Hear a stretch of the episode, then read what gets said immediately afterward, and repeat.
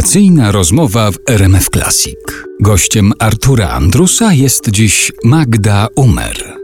Rozmawiamy o przyjaźniach z Jeremim Przyborą, z Agnieszką Osiecką. A czy zdarzyło ci się kiedyś żałować przeoczenia jakiejś przyjaźni? To znaczy, może nie wiadomo by było, czy to by była przyjaźń, ale jakiejś znajomości. Powiem, dlaczego ja zadaję tak, to pytanie. Powiem, bo to bardzo się cieszę, że zadałeś mi to pytanie. Wyobraź sobie, że uwielbiana przez nas obydwoje Stefania Grodzieńska zadzwoniła kiedyś do mnie, powiedziała Magda, chciałabym się z tobą zaprzyjaźnić. I to była dla mnie wielka sprawa. Ja ją uwielbiałam i jakoś jakoś nie dorosłam, nie miałam śmiałości, nie... I zrobiłam o niej program także i często do niej dzwoniłam, ale przyjaźnią bym tego nie nazwała, czyli jakby nie poświęciłam aż tyle swojego życia na to, żeby być z nią więcej i częściej. Tego bardzo żałuję. I wiesz, jak ona zmarła, to pobiegłam na tę słoneczną i w tę furtkę taką starą włożyłam różę czerwoną z miłości. Ja bardzo, bardzo kochałam tę kobietę i Pamiętasz, bo byłeś parę razy na tym moim takim w Teatrze Polonia, co ja Karaoke. robiłam? Karaoke. No to przecież ja, ja ją bez przerwy tam zapraszałam. Ona Mhm. przychodziła na każde karaoke.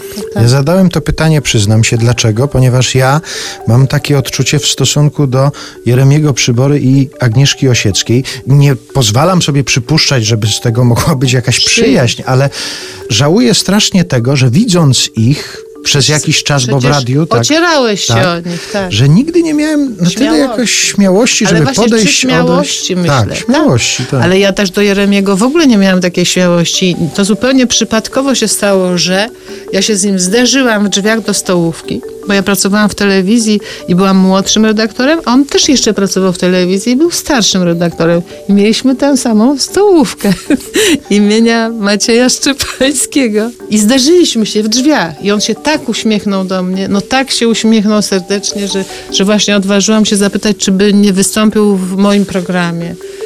I on się zgodził. Ja nie spałam całą noc, a potem z tego właśnie jednego programu sta- zrobiliśmy cały cykl zwierzenia przy fortepianie. I to wszystko wtedy naszym szefem był Mariusz Walter, a bezpośrednio Wojtek Mann. Ja myślę, że ta opowieść to jest też sygnał dla Państwa, ile jest teraz okazji w czasie wakacji. Przecież tak, chodzimy na stołówki, wystarczy się tylko zderzać z odpowiednimi ludźmi, albo po prostu zderzać z kimkolwiek i sprawdzać, co z tego wyniknie. Albo po prostu na przykład chcieć się zapisać na kurs tanga. O, Ileż tam można przeżyć z pracownikiem sklepu rowerowego. że nie wspomnę o tym, jak w czasie wakacji ktoś, kto ma dostęp do dobrych dentek rowerowych, jak może się No przydać, właśnie, prawda? no właśnie. Tylko potem się zapisuje na salsę i po przyjaźni. No.